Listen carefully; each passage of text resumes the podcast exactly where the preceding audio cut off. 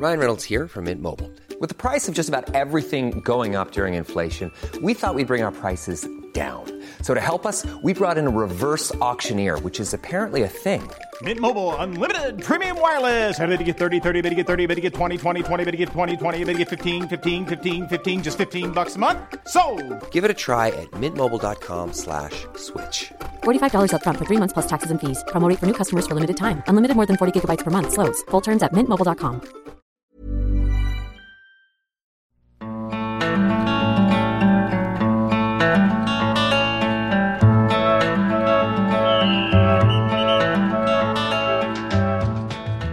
Allsvenska podden mitt i veckan, nej mitt i veckan är vi inte mer, vi har varit mitt i veckan för det var ju så kallade midweek matcher, omgång mitt i veckan, onsdag, torsdag, därav att vi sitter här en fredag i slutet av veckan och ska podda. Makoto Asahara heter jag om ni inte redan hade koll på det. Hugo Månsson, Josip Ladan, om ni inte också redan hade koll på att det är vi som kör den här podden nu för tiden, med mig i studion. Hur är läget med er? Betydligt bättre i rösten från förra gången kan jag säga, det var minst sagt lite raspigt. Ja, men alltså det var ju mer raspigt inför inspelningen, sen väl när det gick igång tyckte jag eventuellt Ja men det, någorlunda det där är ju stämbandsvana så det skriker om det, men i, i övrigt så är det, det är bra. Det är mör i, i skallen så jag vill friskriva mig redan nu, jag har precis haft tenta Så eh, om det kommer lite grodor så är det, eller så är det överlägset bara därför. Gick det bra? Nej Okej, vi lämnar det så då. Hugo Månsson istället går vi över till. Jag, jag tror att jag har en eh, lite högre lägsta nivå i formen än vad Josip har, så att jag, jag mår nog inte lika dåligt som Josip eh, gjorde varken förra, inför förra avsnittet eller som eh, eh, nu, men... ehm, Har du gjort min... någon tenta? Nej, det har jag inte. Nej, då så. Akademiskt befriad. Akademiskt befriad, det går att tolka på olika vis. Eh, med det liksom lilla förpratet av, liksom avklarat kan vi gå vidare på det som ni egentligen alla vill lyssna om och det är ju såklart fotbollen som har spelats. Jag vet inte riktigt var man ska börja. Jag kom precis hem från Kalmar där man fick eh, uppleva lite kalmaritiskt höstrusk här och liksom ösregn, kalla vindar.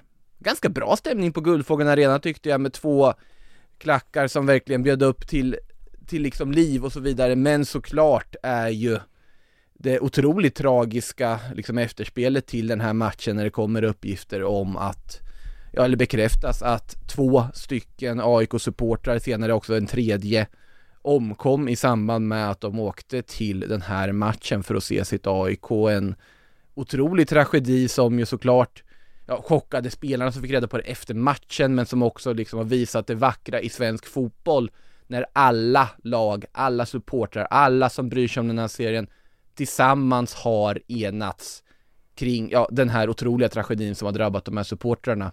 Det finns saker som är större än fotbollen och från Allsvenska podden så är bara att, ja, mm.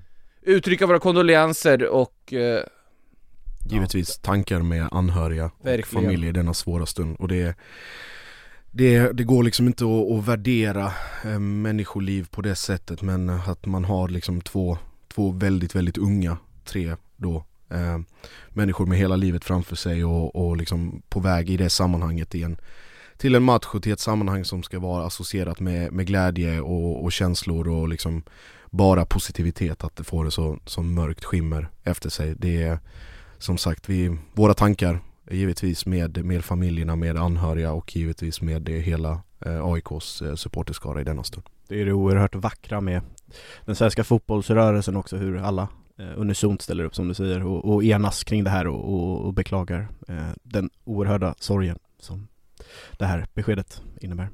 Som sagt, våra djupaste tankar med eh, familj, bekanta, med AIK som förening också i den här svåra stunden. Med det sagt så måste vi väl ändå gå över till just då det fotbollsrelaterade här. Med det sagt, om vi tar just matchen mellan Kalmar och AIK som någon sorts start. Ett bra Kalmar, ett Kalmar som pressar AIK ganska rejält. Efter den här matchen så var det ju lite delade åsikter på presskonferensen mellan tränarna om vilk, hur välförtjänta AIK var av det där sena Nabil Bahoui-kvitteringen. Eh, Bartosz Grzelak sa ju att han tyckte att, ja men sett till riktigt högkvalitativa chanser så är det väl rättvist med en poäng, men vi förtjänar inte så mycket mer efter att ha vaskat en hel halvlek. Men Henrik Rydström var väl mer inne på spåret att Kalmar var tokdominanta i den här matchen och helt läste AIK och förtjänade absolut mer än en poäng. Jag lägger mig väl någonstans mitt emellan här och konstaterar att Kalmar var det klart bättre laget. Med det sagt, man måste kunna utnyttja flera chanser när man skapar. AIK visar sin styrka i att ändå lyckas ta sig tillbaka i den här matchen och att ändå, sett till hur lite spel de hade, sett till hur svårt de hade att hantera pressen, ändå liksom lyckas skapa en hel del möjligheter och dessutom ett kvitteringsmål på slutet. Eh, men sammantaget känns det som att det är ju inte någon kris för AIK att åka till Guldfågeln Arena mot ett Kalmar i den här formen och få med sig en poäng. Oh nej. Nej, definitivt inte och det är framförallt då med, eh, det är ju den andra raka, svåra bortamatchen i de södra delarna av Sverige. Man har Mjällby där man får med sig 0-0 och sen möter man Kalmar här nu, får med sig 1-1. Och jag tror att hade inte AIK, eller jag är övertygad om att hade inte AIK varit i det flowet man är i och har den sammanhållningen och den andan i laget som man har nu så hade de två matcherna lika väl kunnat sluta med, eh, med förlust. För att Mjällby var absolut inte långt ifrån att, att vinna där och Kalmar gör ett sent mål som i normala kanske omständigheter ska räcka på hemmaplan när man, där man är erkänt skickliga. Så att jag tycker att AIK det är bara att tacka och ta emot och, och sätta sig och, på bussen hem och, och försöka och, och, förvalta det på allra bästa sätt redan i nästa omgång. Så att, eh, starkt som, som ni säger, alltså, eller som du säger framförallt Makoto, att, att få med sig den trots att det hackar och att det är liksom det ser stabbigt ut i, i avseende, det är, liksom, det är mycket frustration, det är gester och det pekar så fram och tillbaka men samtidigt om man vänder på det, det är ingen slump att det är Nabil Bahoui som gör det målet. Och det är Eller? definitivt ingen slump att det sker på fast situation. Återigen.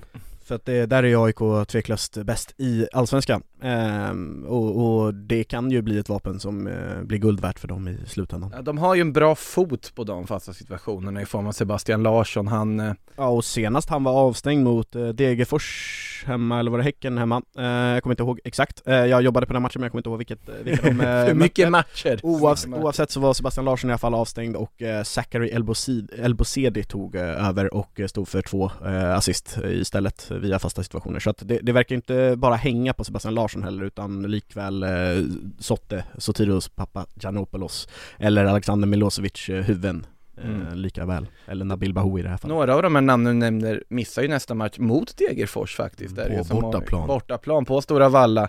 Eh, både Sebastian Larsson och då Milosevic plockade ju gula kort som gör att de missar nästa match. Eh, många som diskuterade där huruvida det var kanske medvetet att plocka med sig ett gult kort eller att man kanske inte var alltför besviken över att få ett gult kort med tanke på att det är ett minst sagt hett derby som väntar i omgången efter som man då är nollställd till i liksom avstängningsväg.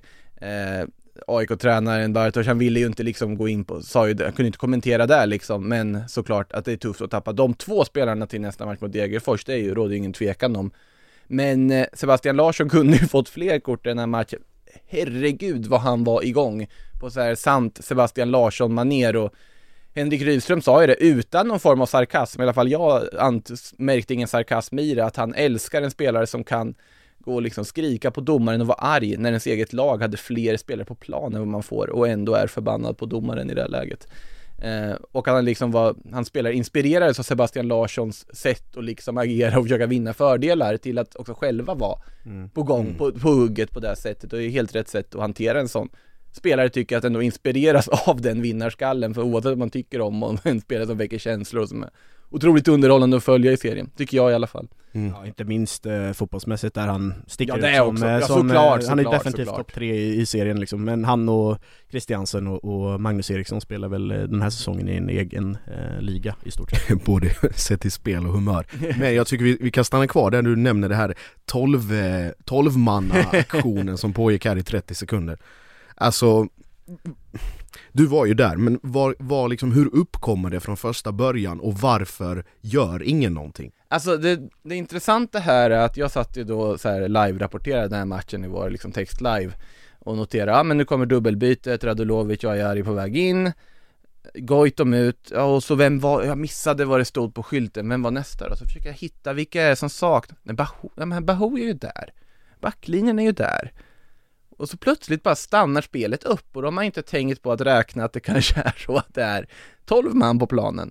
Men eh, det var ju så att då ska ju Kalmarspelarna märkt, Oliver Berg påstod att han märkte det direkt. Han sa ju det att jag märkte att de spelade en sorts 5-4-2 plötsligt. Mm. För det var ju Erik Otieno som inte hade klivit av då och inte noterat att han skulle av i det här sammanhanget. Så det verkar ju vara då att domaren inte hade att, att inte fått fram signalen till Otieno som var på andra sidan planen att du är utbytt. Jag vet inte riktigt hur det gick till. Jag har svårt att se att han drog en rövare och stannade och tänkte att det kommer nog lösa sig ändå. Det var nog inte så, utan det var nog ett genuint missförstånd. Mm. Men spel, det var ju inte länge, spelet pågick ju ett tag tills då det kom något läge där matchen avbröts, stoppades och det bara är total förvirring som råder. Ingen på läktaren förstår heller vad det är som har hänt. Ingen har ju suttit och tänkt på att man ska räkna AIK-spelarna efter dubbelbytet. Mm.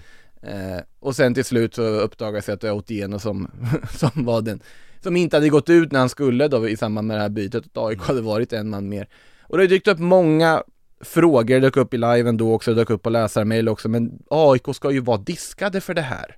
Om man exakt ska följa liksom det som står beskrivet Ja, fast jag vet inte vart de här reglerna kommer ifrån, för om man tittar på svensk fotbolls officiella spelregler för 2021 då är det, finns det inget tal om någon diskning utan att om det är ändå otillbörlig extra liksom person och det kan vara en ersättare, det vill säga någon från bänken, det kan vara en ersatt spelare, det vill säga någon som har blivit utbytt, som då återigen i det här fallet, eller en funktionär eller ledare vad det är, är inne på plan i ett läge så är det ganska diffust vad som ska liksom bli effekten av det. Ja. För då ska domaren såklart blåsa av spelet när det är läge att göra det, han ska liksom plocka bort den här personen och sen vidta, ja, lämpliga åtgärder. Ja det är diffust. Ja, det, är, det. det är så overklig byråkratsvenska så Ja. man vet inte riktigt var man ska börja någonstans. Men kan vi med 100% säkerhet slå fast att det här inte rör sig om Bartosz Gelaks eh, genidrag i guldstriden 5-4-2 uppställningen? Ja, ja det, det kan vi nog göra.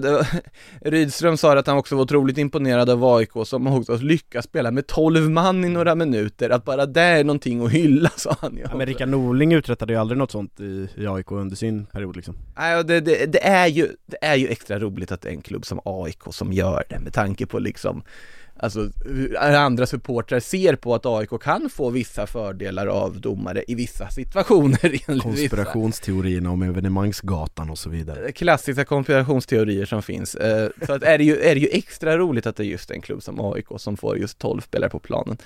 Eh, Jag tror att det var ett genuint missförstånd. Andreas Ekberg stannade inte i mixade zonen, man skulle kolla upp det, men jag vet också att Discovery så ringde väl upp Jonas Eriksson direkt som också förklarade att det som skulle ha hänt är då att Ajari ska få ett gult kort för att han går in på planen utan att då den andra spelaren har gått ut. Det skulle varit effekten av det här. Ja. Så där kan man säga att det blev en miss att det kortet inte delades ut, absolut. Men det här om att de skulle diskas så att det finns sånt i regelverket, det har inte jag sett några liksom officiella skäl för att det skulle vara så. Jag förstår. Nej men det är för- läsarnas, eller för läsarnas, för lyssnarnas skull så ska det definitivt klargöras och jag är inte sen på att hoppa på det här konspirationståget och, och se alla olika teorier som snurrar. Det är, alltid, det är alltid läsvärt på sitt sätt. Sen kan man ju lägga olika värderingar i det, vilket folk också gör, men eh, att, att det borde belysas, absolut, det tycker jag. Ja men om vi ändå är inne på konspirationsteorier så kan vi väl också, vad säger vi om Degerfors konspirationsteori om att alla vill ha ut dem ur allsvenskan efter förlusten mot Djurgården här? Ja, nej, men eh, det är ju faktiskt en, eh, ja för att citera min kollega till vänster om mig, men en overklig miss eh, av domare, ja Makedonci? Makedonci, ja, precis, som missar när ett inspel från vänster tar på Leo Kornic utsträckta arm som jag från pressläktaren drygt 60 meter bort från situationen ser oerhört tydligt och som alla supportrar, eh, även Djurgårdsklädda supportrar nog eh, definitivt ser eh, också. Så att det, det är ju eh, tjänstefel, eh, skulle jag vilja hävda, att missa den. Alltså.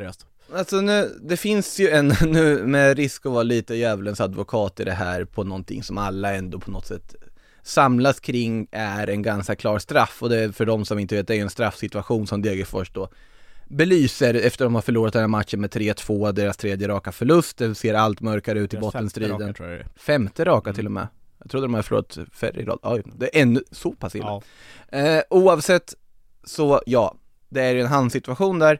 Sen tycker jag att med handsreglerna som de är skrivna och sånt så blir det väldigt, väldigt svårt. Förlåt men där, där måste jag bara Nej. in för att det, det här ja, går men- inte ja, att skylla ens på handsregeln eller något. Det här är ju så solklart, det är inte ens en straffsituation, utan det här är en så solklar straff så att det går inte att komma undan från. Det, det, det, armen är helt utsträckt, han gör sig större, även, även om det inte är medvetet utan han håller på med någon glidtackling, Leo Exakt, då. han Men- är i en glid... Jag säger, inte jag säger inte att den inte ska vara en straff, det är absolut inte det jag säger. Jag försöker bara försöka hitta anledningar ja. till att det inte blir det. jag, jag tycker inte vi ens borde försöka hitta anledningar, utan bara Ja, nöja oss med att säga att här gjorde han fel, och sen så, det kan alla domare, det kan alla spelare, alla kan göra fel, men vi kan släppa det där för att det ska ju vara en straff. Sen så tror jag inte att, eh, som Patrik Werner eller som Viktor Edvardsen sen twittrar i affekt på, t- eh, ja, på Twitter då efteråt, så tror jag inte att det eh, eh, handlar om någon dold eh, teori eller agenda från domarnas sida eller från svensk fotboll om att eh, bli av med Degerfors. En väldigt eh, oklar eh, Ja. agenda i sånt fall. Ja, såklart. Men vi, vi kan väl enas om att det där är straff, så lämnar vi det där hän, kan, kan, kan jag tycka, eller? Jag, jag smiter bara och poppar popcorn för det här var magiskt, riktigt bra dynamik här nu, jag, jag, gillar, det. jag gillar det Ja men alltså, eh, låt, som sagt, jag säger såklart, om jag ser den här situationen såklart tänker jag såklart att det är straff. Mm. Men bara om man ska liksom titta på den här otroligt diffusa handregeln avstånd till hur nära situationen som bollen dyker upp i sammanhanget, hur mycket man kan anse att det är en naturlig rörelse i att han går in i en glidtackling. Det är ju redan liksom baserat att om bollen kommer under kroppen i en glidtackling på armen, då är det inte straff. Här, jag tycker det är straff, men jag försöker på något sätt ändå se. Så fint att man försöker nyansera någonting som är supersjälvklart Det är, skitbra. det är kul, det är bra, det är bra Nej, bara Det är tillfall lägger till en igen och sen liksom hela Nej, man kommer få så mycket skit för det här. Eh, Men också så här, den här konspirationsteorin, det är ett varningssignal, alltså i det här läget, fokusera inte på att, ja, alla vet att och det, det är såklart ett problem i sig, men det är i oavsett vilket land, oavsett vilka namn på lagen det är och oavsett hur deras ligor ser ut, så är det alltid ett klassiskt problem att mindre klubbar från mindre städer utan samma liksom supporterbas och samma storlek kommer ha det svårare att få fördelaktiga domslut på bortaplan mot stora klubbar från huvudstäder med massa folk på läktarna. Det är så och man kan tycka att det är fruktansvärt, att det är orättvist, att det är löjligt, men dessvärre är det så. Att det är på något sätt, det blir så. Självklart, det är den mänskliga faktorn i det hela om det står ett kokande Tele2-arena i, i ja. och Djurgården precis Och det hjälper inte om man 3-2. skaffar VAR eller inte, för att vi har sett det på alla andra ställen att det kan ta sådana beslut att där kan de på en stillbild ändå försöka hitta, ungefär argumentera med mina svaga argument för att det där teoretiskt Ja. kanske inte skulle Med betoning på, på svaga. Ja, men jag, som sagt, jag sa att jag var djävulens advokat i Ja, sammanhanget för diskussionens skull, bara för att försöka Oavs- om vi nu ska gå in på matchen i, i sig, eh, Djurgården-Degerfors, eh, om, man får lov att göra det, eller? det, det, det får du, vi ska inte stanna för mycket Vi ska inte Tack. ha VAR i svensk fotboll, det kan jag säga rakt ut bara I alla fall. Jag vill säga det, ja. Degerfors, om nu Patrik Werner eller Viktor Edvardsen har rätt i sina, det, det låter jag vara osagt, om det finns en agenda om att bli av med Du tror, du, du öppnar ändå Nej, för gör jag. möjligheten jag, att jag är sarkastisk, vilket jag nog ska, ska tillägga att jag faktiskt är här i, i Ja, det är bra, det är Men, ehm, så, så Degerfors har ju ingenting att skämmas över och jag tycker att de gör en eh, väldigt, väldigt bra insats på, på Tele2 Arena där, ja, framförallt i första halvlek, i inledningen av första halvlek, eh, första 20 minuterna så tycker jag de har, har ett flertal, kanske inte högkvalitativa chanser men eh, näst intill. Det är, det är väldigt bra chanser de har, eh, där både Jurdic och, och Edvardsen är ständiga orosmoment för Djurgårdens försvar som, som får problem eh, på gång. Sen så är ju Djurgården ett väldigt, eh, de har individuellt skickliga spelare på i princip varenda position och, och är därför väldigt eh, effektiva när lägen uppstår och så har de 2-0 i halvtid, tänker man ja det här är slut.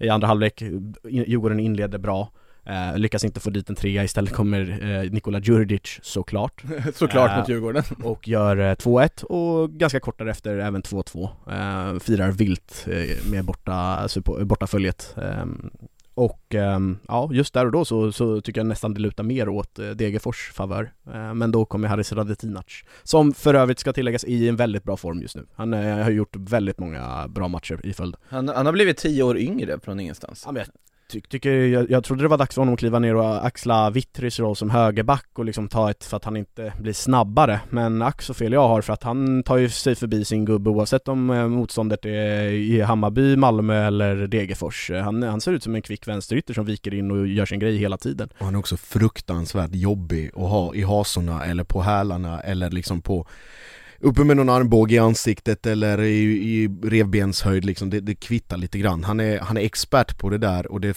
såg vi ju tydligast exempel på när han fick Anders Christiansen fullständigt ur balans eh, nere i Malmö. Eh, och kunde kostat betydligt mer än en varning där men Nej som du säger alltså det, det är en eh, hur ska jag säga? Han är en pådrivare och, och, delvis en kulturbärare för Djurgården. Ja och framförallt så axlar han ju den rollen väldigt bra när lag väljer att plocka bort Magnus Eriksson till exempel och punkta honom som Malmö gjorde eh, sist, alltså på stadion.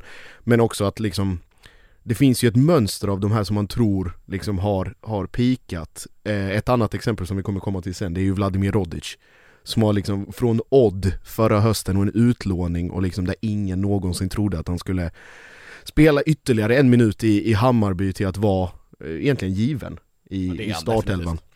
Så, men vi, vi kommer till det, men kul att se sådana här, hur ska jag säga, man trodde falnande stjärnor mm. mm. eh, återupplivas eh, återigen. Så det, det, är starkt jobbat av både Harris och, och eh, Rodic. Ja, och eh, som sagt Djurgården då vinner med 3-2 därmed alltså 41 poäng, 41 poäng i toppen av den allsvenska tabellen inför då att, inte nu till helgen, men efter det så har vi ju ett glödhett Stockholmsderby. Som man alltid eh, skriver vi journalister, alltid är noga med att påpeka glödheta derbyn framåt mm. hösten för att det, Stockholmslagen ofta ligger i toppen och Också... man försöker alltid överträffa varje derby som kommer känns det som Också formuleringen hetare än någonsin, mm, har man skrivit tre gånger per år Ja okej okay, men, det, yes. nu, men det är glödet. Nu är, nu är det ju glödet, det alltså det, det, de ligger där i toppen Det är första matchen för, för de här lagen tillbaka med fulla läktare. Ja, eller fulla läktare utifrån eh, FOMs åsikter i alla fall. Exakt. Återstår att se hur fulla de blir med tanke på, ja, ni vet alla den debatten som pågår där, vi behöver inte gå närmare in på det här just nu. Det var ju för sig en protest mot just hela det här liksom, ja för det var ju kanske framförallt i Uppsala där det här var ett stort diskussionsämne, ja precis, villkorstrappan pratar vi om den som som har varit så omdebatterad och omdiskuterad och eh, i Uppsala då på studenterna så vart det ju ett flaggförbud för Sirius.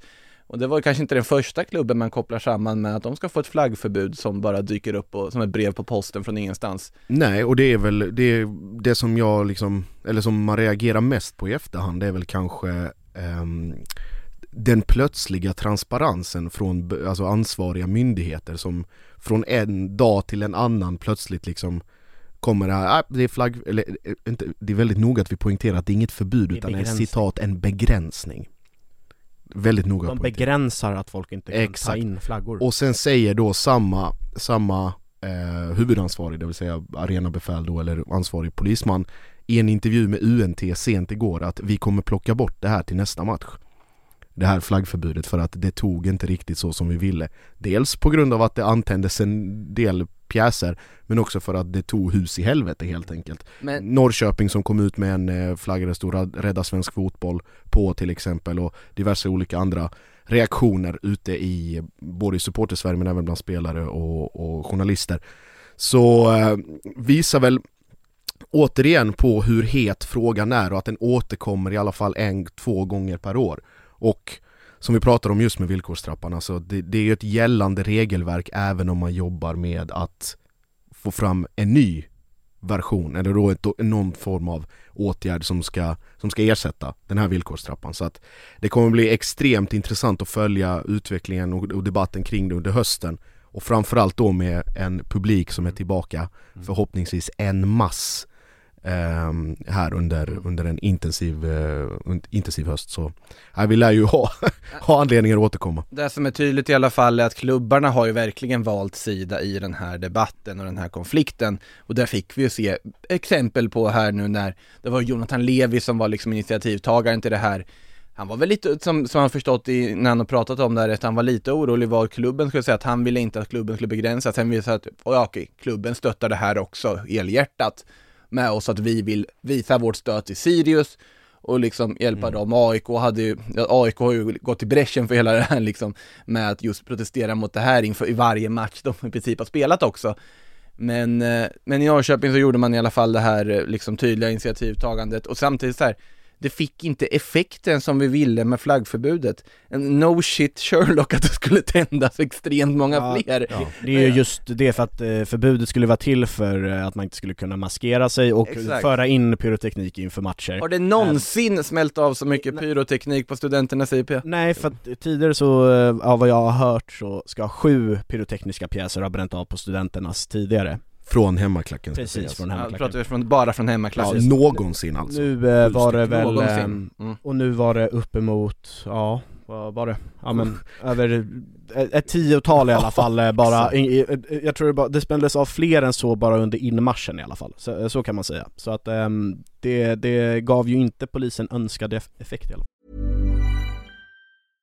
Hey, I'm Ryan Reynolds. At Mint Mobile, we like to do the opposite of what Big Wireless does. They charge you a lot, we charge you a little. So naturally, when they announced they'd be raising their prices due to inflation, we decided to deflate our prices due to not hating you.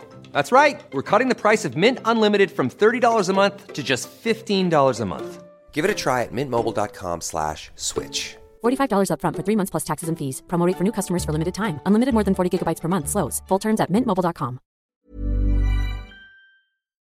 Nej, det, det vart ju en trevlig fotbollsmatch dock. Alltså, 4-2. mycket, Mycket. mål, målkavalkad går ju även när de möttes de här lagen på just studenternas förra säsongen, men det vart ju 4-2 i Sirius favör istället. Om inte Norrköping fick in en 4-3 mål, det minns inte jag faktiskt i, i sidan en stund, det var så mycket mål i den matchen. Men här i alla fall, Norrköping som vinner bortaplan, tar in på topp 4 som vi ändå cementerat tidigare ska vara en topp 4 och Ja. Nu är ändå Norrköping bara tre poäng efter Elfsborg, vi kommer till Elfsborg och Malmö sen också såklart. Men eh, vad säger vi om IFK Norrköping? Kan de på allvar ge sig in i Ja men det, det är de, både Norrköping och Hammarby smyger väl med lite där med risk för att båda har, är kanske lite för ojämna och inte kanske kan eh, pricka in lika ja men, formstarka över tid som Djurgården, Malmö, Elfsborg och AIK. Eh, men nu har de ju faktiskt börjat hitta formen. Norrköping är ju eh, formstarkast i serien eh, för tillfället, eh, såg jag inför eh, poddstudion. 10 poäng på de fyra senaste matcherna, om jag inte missminner Och då är det ju ett kryss mot Malmö dessutom. Precis, Mm. eh, och där bakom är just Hammarby också på 9 poäng på de fyra Mm. senaste och några till klubbar.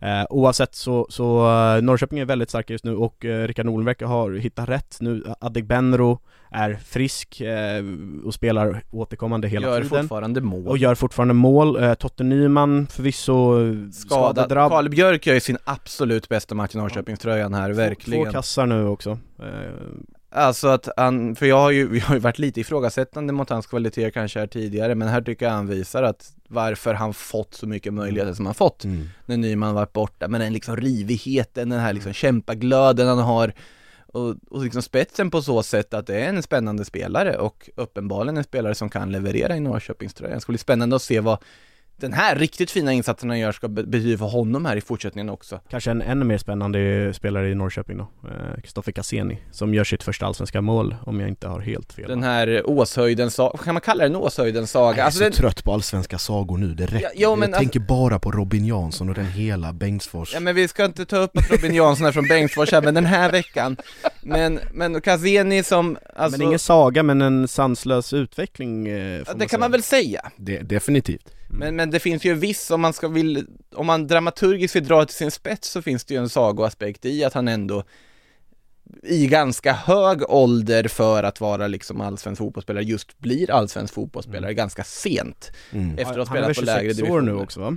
Han har ju hunnit bli några år och liksom han kom ju upp på elitnivå väldigt sent för att han liksom upptäcktes och man bara, ja men det här är en så pass spännande spelare, vi vill ge honom chansen även på den här nivån. Och man har ju varit, han har inte fått jättemycket chanser i början men nu när han kommit igång, han fick ju skadeproblem där förra säsongen bland annat i början också. Mm. Men nu när han har kommit igång, tagit en plats på det här mittfältet efter att Isak Bergman Johannesson Mm. gått till Köpenhamn Jättespännande spelare och visar ju varför IFK Norrköping vågade göra det draget och varför de gjorde det.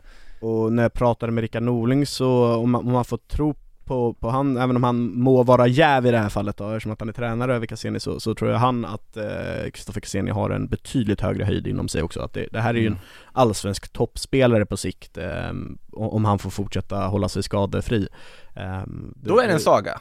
Ja men det, det blir det ju, ja vi, vi, vi kanske inte behöver eh, använda saga, variation, eh, men ja en, en raketkarriär på tal om, eh, om vi, innan vi släpper det, en riktig saga är ju eh, Mustafa Seydans eh, kanonskott i den åttonde minuten. Gisses jävlar. Han gör ju typ bara snygga Ja, mål. Ja, det, det kan vi ju slå fast hittills i alla fall. Det blir ju inte lika effektfullt på Cassini när man säger han kommer från Stockholm.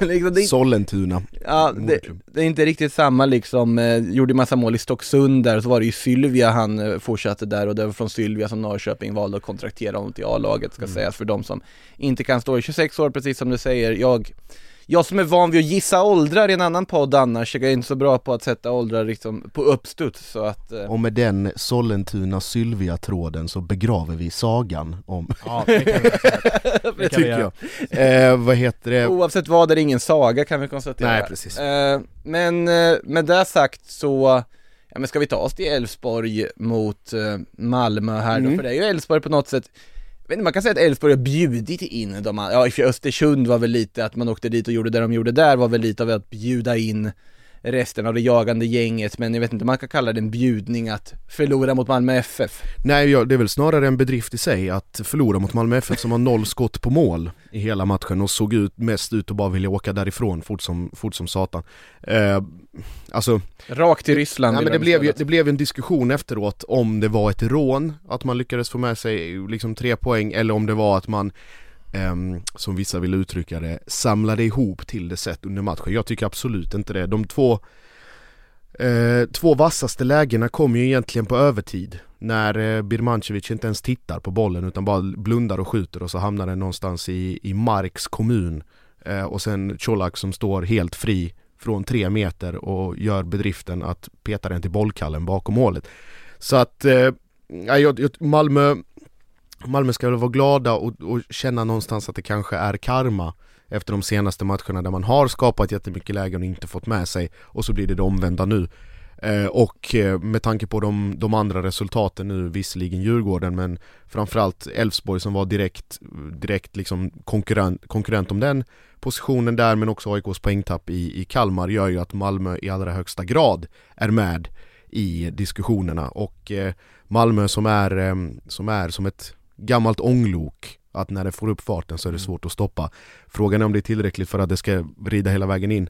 Ehm, man har ju dock ett gyn... Det är också så här se- extremt subjektivt. Vad är ett gynnsamt spelschema? Nu har man nu, det, det är en ganska bra Örebro- fråga faktiskt. Örebro imorgon. Örebro som kommer, vi kommer komma till, min älskade ÖSK-båt som jag sitter väldigt lugn i eh, fram till 17.30 imorgon. Eh, eh, man har Örebro, man har Östersund på bortaplan, man har Varberg och man har Mjällby hemma. Nu tog jag inte dem i exakt rätt ordning, men det är alltså fyra lag.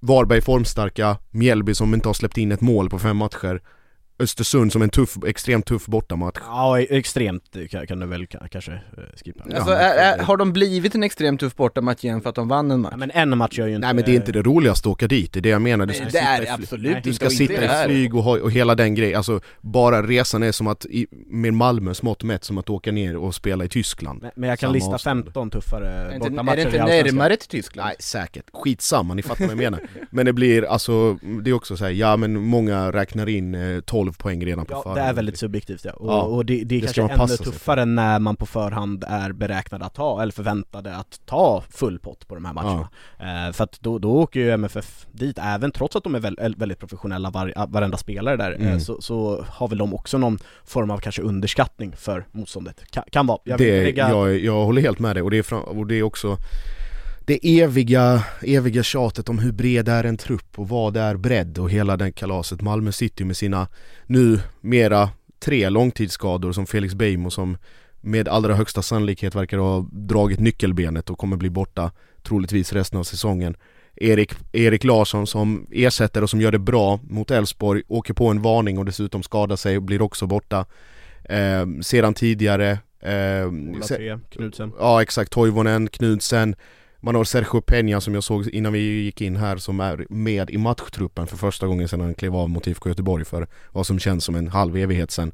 Eh, Moisander fortfarande borta från spel, samma med Lewicki så att det finns ett pussel att lägga och samtidigt ska du ju rotera det här då, eller rotera, det blir ju ingen rotation utan det är samma gubbar som får gå runt och åka till till London och åka bort till Ryssland och ta emot, alltså hela det Champions League-kalaset och, och hantera också så att det blir, det blir en, en utmaning hela vägen in och jag vet inte om man, om den här Elfsborgs segern kanske bara var till, alltså någon form av tillfällig peak eller om man lyckas hantera det. Jag vet inte, det, det är extremt mentalt, eh, kommer bli extremt mentalt utmanande för, för MFF och det, för, det är omklädningsrummet. Tror ni det är samma trupp som åker till Zenit borta och Mjällby hemma och så vidare som åker och ska möta Onsala BK hemma i kuppen som de har slängt in mitt i det här? Nej det, det tror jag inte, det är svårt att se. Det är svårt att se faktiskt. Den, den, den dyker upp här liksom mitt i alltihopa också, eh, kupp, första omgången i kuppen där inför gruppspelet. eh, Uberhett. Mäktiga Onsala borta. På tal om glödhet, nej. Men eh, innan vi lämnar den matchen tycker jag vi ska titta lite på Elfsborg också, två raka förluster ändå trots allt här nu. Eh, är det läge att oroa sig? Jag tycker väl Ja. inte att de behöver känna någon ställ, större liksom krissituation, även om de bjudit in Norrköping och Hammarby i leken igen. De, de ska väl känna sig väldigt nöjda med deras säsong hittills och, och eh, att de har hållit en så hög nivå under hela säsongen och fortsätter att, ja, med, med undantag för de här två senaste matcherna så fortsätter ju de att göra starka resultat hela tiden. Sen så tror jag att i och med deras starka säsong där de hela tiden har varit där topp 3, topp 4 Mm. så, så har det ju såklart höjt förväntningarna framförallt från eh, internt men även från supportrar och så vidare. Vilket därmed, när man då förlorar mot Östersund, då framförallt på bortaplan med 3-1 och sen så blir rånade, och jag gör citationstecken eller kaninöron här, eh, men, men blir rånade av eh, Malmö FF så så är ju det såklart en besvikelse och eh, det, det är ju tufft för dem då, för att de vill ju vara med och de, de låg ju på, på samma, eller före eller eh, på samma poäng som AIK och, och, och eh, Djurgården in, dessförinnan så att eh, nu, nu har de tappat lite där och jag har svårt att se att de liksom steppa upp eh, till, till samma nivå som övriga. Nej, men jag har ju svårt att se dem kollapsa.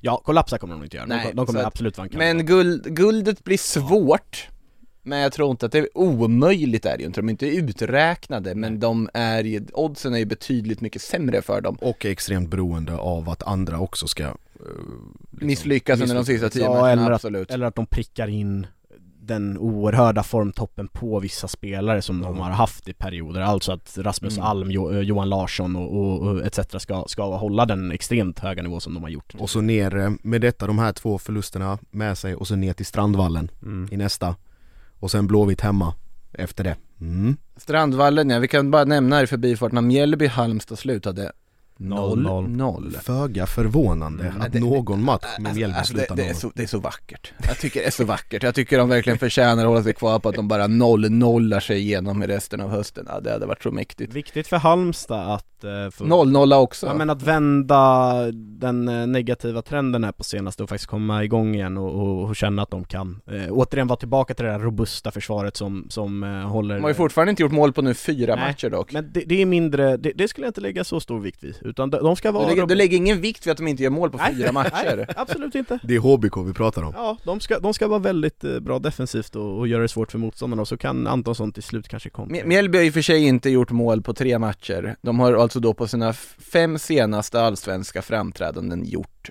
två mål framåt och det gjorde de i samma match. Men de har heller inte släppt in ett enda mål på dessa matcher. 0-0, 0-2, 0-0, 0-0, 0-0. Eh, mäktigt tycker jag att det är.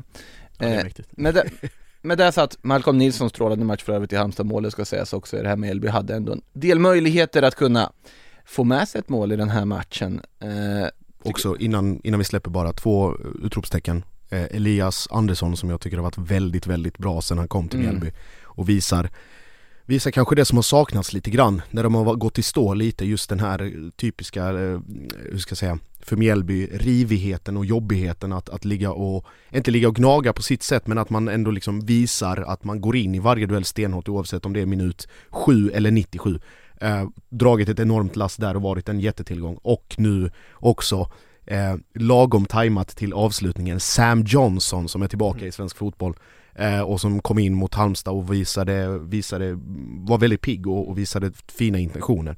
Så, eh, mm. Det finns en annan, jag, jag måste nu när vi ändå är inne på, på Mjällby som jag vi, vi, kommer, vi kommer inte komma härifrån, men- vi kommer inte komma ifrån Men Strandvallen jag kom på, för jag, tidigare avsnitt så har jag velat eh, prata lite mer om eh, bottenlagen och de mindre klubbarna kanske eh, eh, Till skillnad från topplagen som man Jag alltid tror du säga till skillnad från oss. Nej, absolut inte. Men, men jag vill fa- fastna vid det, och då, och då har vi ändå inte berört Mjällby så pass mycket förutom att nämna just Amin Sarr och Jakob Bergström framförallt.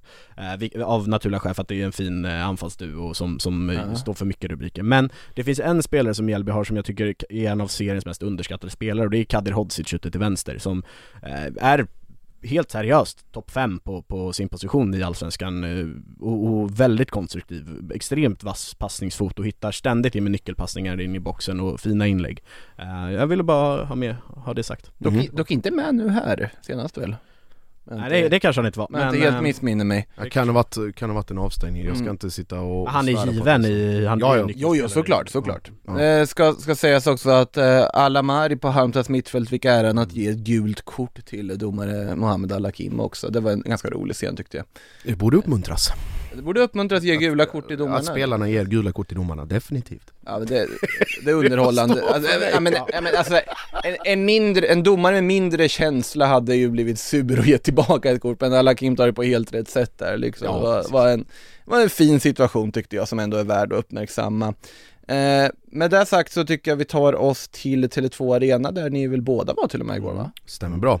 Eh, ja, vad, ni såg ett lag i alla fall, som jag förstod det, Hammarby som eh, Ja, Gö- Göteborg lyckades inte riktigt komma, det är inte första gången man ser det kanske, men IFK Göteborg kom inte riktigt upp i nivå den här matchen. Göteborg i röda tröjor som på något sätt symboliserar läget de befinner sig i. Eh, Det alarmerande läget som, eh, framförallt tabelläget som de befinner sig i med, med och fyra, fyra förluster på de fem senaste matcherna och, och nej, det, det var ett tag in i matchen, kanske i så här minut 35 där jag tänkte så här, ja just det, Simon Tern spelar. Eh, oj, ja, Marcus Berg ja. ja, det, Mm. ja det, det, det var ändå ett par gubbar där som, som jag tänkte, eh, vad fan har de här varit någonstans? ja men de, de var helt enkelt inte där och de var inte där mot AIK heller. Jag, vi, Mm. vi snackade ju om det innan matchen också och Hu- Hugo var Eh, vad heter det, fint nog positivt inställd och trodde att nu kommer minsann Blåvitt studsa tillbaka och vi lyssnade i sändningen och Axén sa att ja men de ser fina ut på uppvärmningen och det brinner i ögonen på dem. Ja, tills Amo fick prickskjuta in 1-0 och ingen av de fem mittbackarna som var där gick upp på honom. Och det, det är väl också, precis som du säger, alltså det är ganska talande för var de befinner sig. Micke Stare efter matchen, eh, som Micke Stare kan vara efter en förlust, eh, både väldigt krass, väldigt tydlig men också extremt intetsägande beror på Vad var det han sa i, i Discovery tror jag, så här, vi pratar om, vi, vi, man får inte glömma att vi spelar också 18 stycken fem minuters halvlekar. Och det är, Jaha. Vänta, Ja. va? Ja, jag tror han pratade om så här Försökte liksom upp- någon form av konstig periodiseringsreferens Typ att vi, vi kan liksom inte vara bra i, i fem minuter i taget eller i en kvart utan vi måste vara det längre än så. Jag vet inte men det var ett citat som fastnade så jag tänkte, ja. Alltså det stämmer ju rent eh, matematiskt, men då borde det snarare vara 19 stycken, Ja, eller fem minuters sa. tillägg på det också. Ja men otroligt märklig, märklig Otroligt liksom. dålig fan det. Kärnfysikern får- Makoto sitter och Som räknar beautiful mind ekvation eh, Nej men, och, men det, det säger liksom att det här Alltså man förstår charmen med Stare och det finns liksom mycket, mycket kul som, som har kommit och som kommer komma från den karln eh, I alla möjliga och omöjliga sammanhang Men att sitta och liksom vara diffus och, och bara konstig på det sättet i det läget man är i det, det passar sig inte riktigt och jag, jag tror inte att någon blir direkt va- varken liksom klokare eller tycker för den saken skulle att det ger någonting Nej. från Ja, supporterhåll. han, han har rätt. Ja, det var nog inte många supportrar jag- som, som kände så. Nej och det, det behövs ju liksom man pratar, man frågar vad ska, vad ska man göra? Och du pratar ju med, med spelarna efteråt och de bara ja men vi är extremt medvetna om var vi befinner oss och bla bla. Det blir de här svaren man förväntar sig Men det blir också jaha, vad, vad händer nu? Vad ska ni göra? Och nu när man tittar, tittar på nästa omgång för IFK Göteborg Ja det är Kalmar FF hemma Mm. det, är inte, det är inte skitkul heller Det är inga givna tre poäng. Nej, inte på förhand i alla fall. Men det är också, det kan ju gå Det är så charmen med den här serien och allt det här liksom att det kan gå så fort från en omgång till en annan och våra liksom spaningar och citat här blir inaktuella efter en halvtimme Oh ja. så att Sen eh, värt att fastna och, och hålla kvar vid matchen en sekund för att um, jösses vilken um, Vilken uh, utväxling uh, vi, vi, har fått se av uh, Akin Amo uh, de, ja. efter att ha, efter, sedan Milos Milojevic Milojevic har eh, trätt in i Hammarby som tränare så, så har inte Akin Kumiamo varit lika given som han var under Stefan Billborns ledning. Eh, han har blivit petad eh, ganska många matcher, fått hoppa in Eh, på ovana positioner. Nu har han tydligen enligt eh, spelarnas eh, utsago och sin egen har han ju fått träna och fått ta till sig lite taktiska direktiv för att ha en lite mer framskjuten roll på, på det centrala mittfältet, en lite mer friare roll. Mm.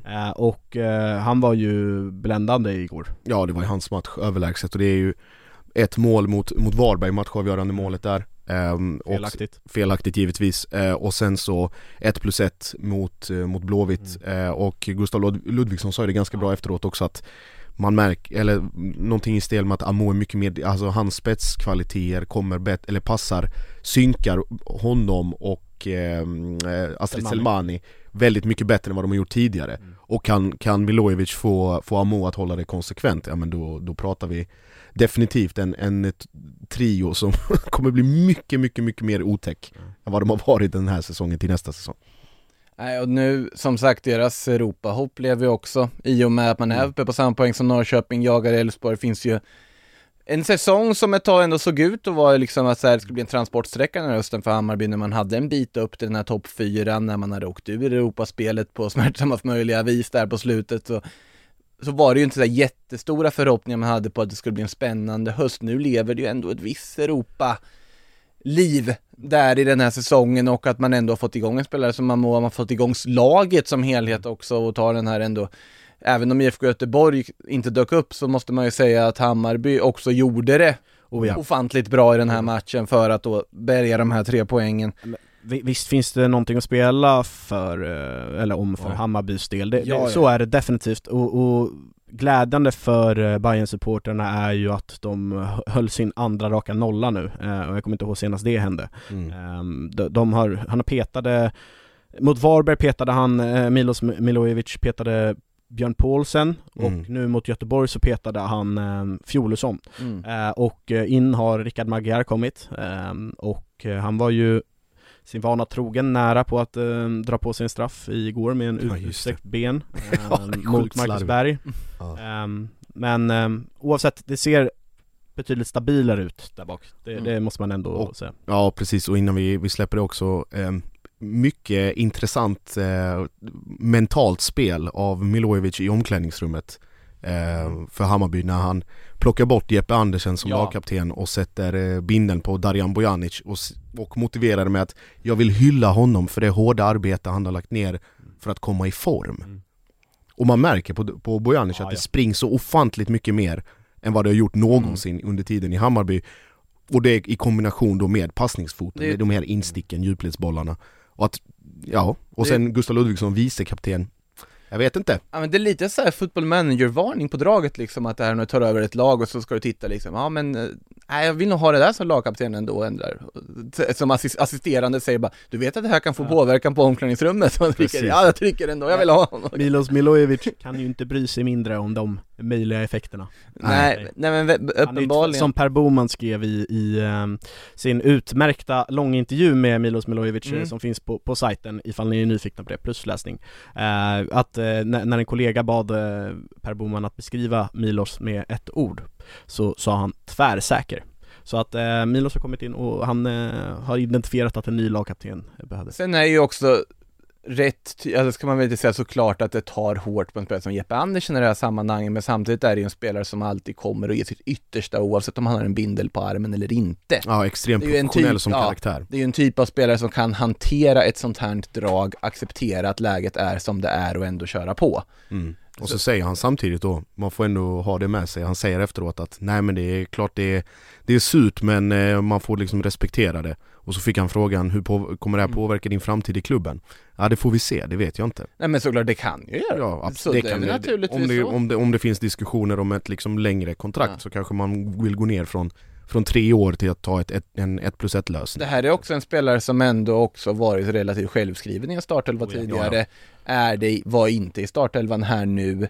Just det här med att bindeln är bortplockad, jag tror att den aspekten, det är väl värre för honom om startplatsen rakt av blir bortplockad där framöver Och också. det har den ju eh, blivit Ja. nu på senaste. Och det, det har väl nu ännu mer effekt på en eventuell liksom, Gud, ja. fortsättning i klubben eller inte Nu, utan nu tvekan. senast startade ju Aziz Otara Exakt. som innermittfältare och det Exakt. har han gjort tidigare också och även om han inte startar så har Jeppe Andersen ändå inte fått eh, riktigt eh, Mm. förtroendet i Mm. varje match. Eh, vet ni vad? Nu tycker jag vi konstaterar att eh, Örebro vann mot Östersund. Alltså, och jag sitter och svävar här av seger för jag har blivit mycket, mycket kritiserad av min kollega Månsson här till höger och ifrågasatt om jag överhuvudtaget är vid mina sinnesfulla bruk som påstår att Örebro kommer att klara sig. Eh, och eh, Hugo vidhåller att eh, de ko- inte kommer göra det. De har en extremt sjuk utmaning imorgon eh, också. Men alltså att plocka fram den karaktären i det ångestmötet när så mycket är på spel och att det, och av alla spelare, vem skulle annars kliva fram om inte Nordin Gerzic? Med allt vad det innebär, med allt liksom all Örebro-symbolik och ÖSK liksom tradition som finns där, att det är han som får göra det målet också. På tal om sagor, jag ska aldrig gå den referensen igen. Men det, det är starkt. Och sen Martin Broberg på, på eh, tilläggstid.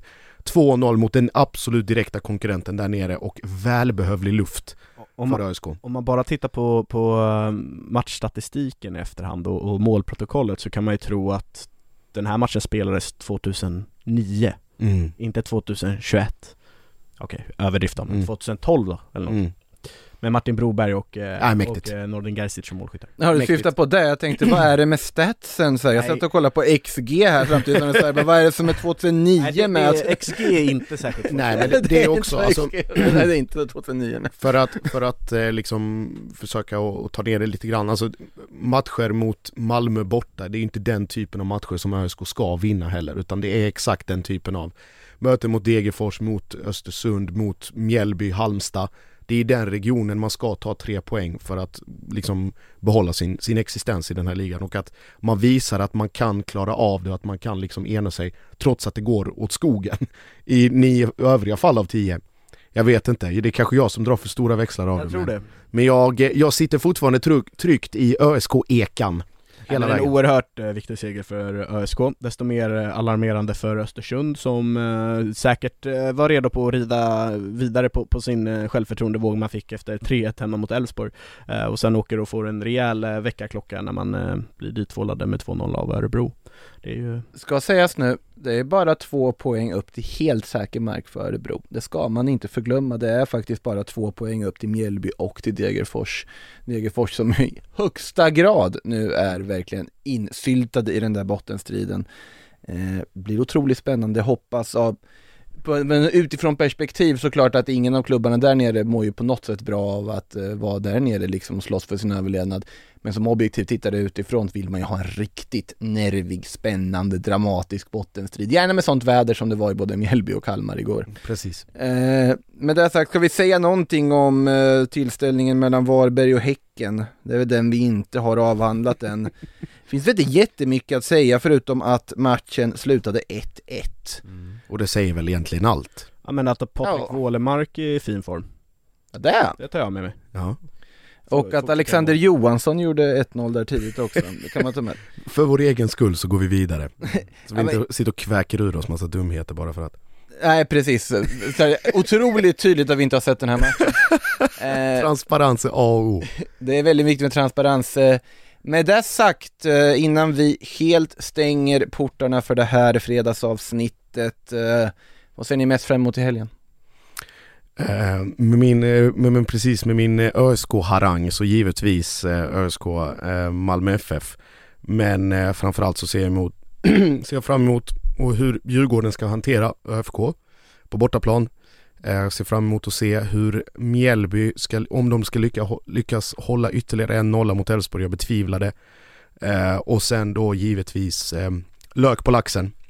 Du kan inte Måndag. dra alla matcher, du vet Nej, måndag 19.00. Verkligen! Måndag 19.00 IFK Göteborg, Kalmar FF. Nu får du nöja dig där. Ja, Jag stannar så. Ja. Jag, jag, ser fram emot Halmstad-Sirius eh, framförallt. Aj, vad är det för finsmakare nej, nej, nej, det gör det inte egentligen. Jo! Det är en ganska kall allsvensk omgång och så tyckte jag, ja, vad är det jag Okej. fastnar för? Sirius som är, ja, undantaget eh, 2-4 förluster mot Norrköping så, så de, de är heta just nu. Halmstad, kan de fortsätta rida vidare på den här en Ja. poäng, eh, en Men, men det är också eh, nian, alltså med all respekt till Halmstad så är det nian mot tolvan i serien. Det är lika. har man, har man Ante G där bak, Nej. Josef Baffo eh, ackompanjerad och, och Malcolm Säfqvist Nilsson i kassen eh, mot Christian Kouakou, mot eh, Ortmark, mot Netta Bay, alltså det kryllar ju av intressanta spelare. Alamari, att Ja. jag glömde en sån spelare, Jo, det jo, är men hur alltså- intressant som helst. Men det hittar vi ju alla matcher. Nej fast inte den här, eh, den här... eh, Nej det här var, Månsson, det här var som att sälja sand i öknen, det går inte. Det, det är ungefär lika logiskt som jag försöker argumentera mot att Straff. Djurgården, liksom, mot att Degerfors en straff. Nej, nej, Okej men Häcken-Hammarby är väl intressant också, men Nej, nej, nej, framförallt Halmstad-Sirius Nej jag svepte det, jag svepte igenom, jag gav er inget val än att välja. Jag ser fram emot att se IFK Norrköping förlora med 0-1 hemma mot Varberg, för det känns som den logiska följden av att de plötsligt går riktigt bra. Eh, det har ju varit lite så tidigare, vi får se om Norrköping verkligen skulle vinna så här. Ja, vad ska jag säga, rutin, ja, nu, nu håller jag på att prata ner Varberg igen. mm, kallar det rutinmatch och håller på. Ja, men i alla fall, om de skulle då vinna mot Varberg, då är det verkligen liksom igång. Men det är väldigt IFK Norrköping på något sätt att lyckas tappa en poäng där och Varberg som sagt är ju bra den här säsongen. Spännande att se hur de hanterar de, den matchen och sen såklart Degerfors AIK var det en engångsföreteelse för AIK här, att man inte riktigt får igång offensiven. Degerfors som är pressade. Kan bli otroligt spännande tillställning där känner jag. Det, det kommer ju ha varit en spännande vecka för Nikola Djurdjic om inte annat. Först eh, Djurgården borta för att sen eh, AIK hemma med, med sin Hammarby-historik och, Och beskåda Hammarby IFK Göteborg däremellan också. Ja det, det var profiltätt ska jag säga på Precis, telefon. Tony. Gustafsson, eh, Zeidan, Edvardsen och Djurdjic bland annat eh, Ja, skådade vi Starka igår. papper. Mm. Mm. Eh, Men eh, eh, för att bara avsluta det så, så nu, nu AIK, som kanske ännu större konflikt mellan, mellan just AIK och Nikola Djurdjic och ehm, ja, det, det blir spännande att se om han kan fortsätta mm, på, på målformen. Rubriker kommer han skapa oavsett. Det, det kommer han. Det Definitivt. kommer han sannerligen göra och vi får hoppas att vi inte skapar allt för stora rubriker av det här avsnittet i, i illa, nej, man är lite fredagstrött, det ska man ändå medge efter att ha varit på resande fot. Hoppas ni har haft det trevligt ändå med lyssningen. Tack Hugo Månsson, tack Josip Ladan, tack alla lyssnare. Vi hörs snart igen. Du har lyssnat på en podcast från Aftonbladet. Ansvarig utgivare är Lena K Samuelsson.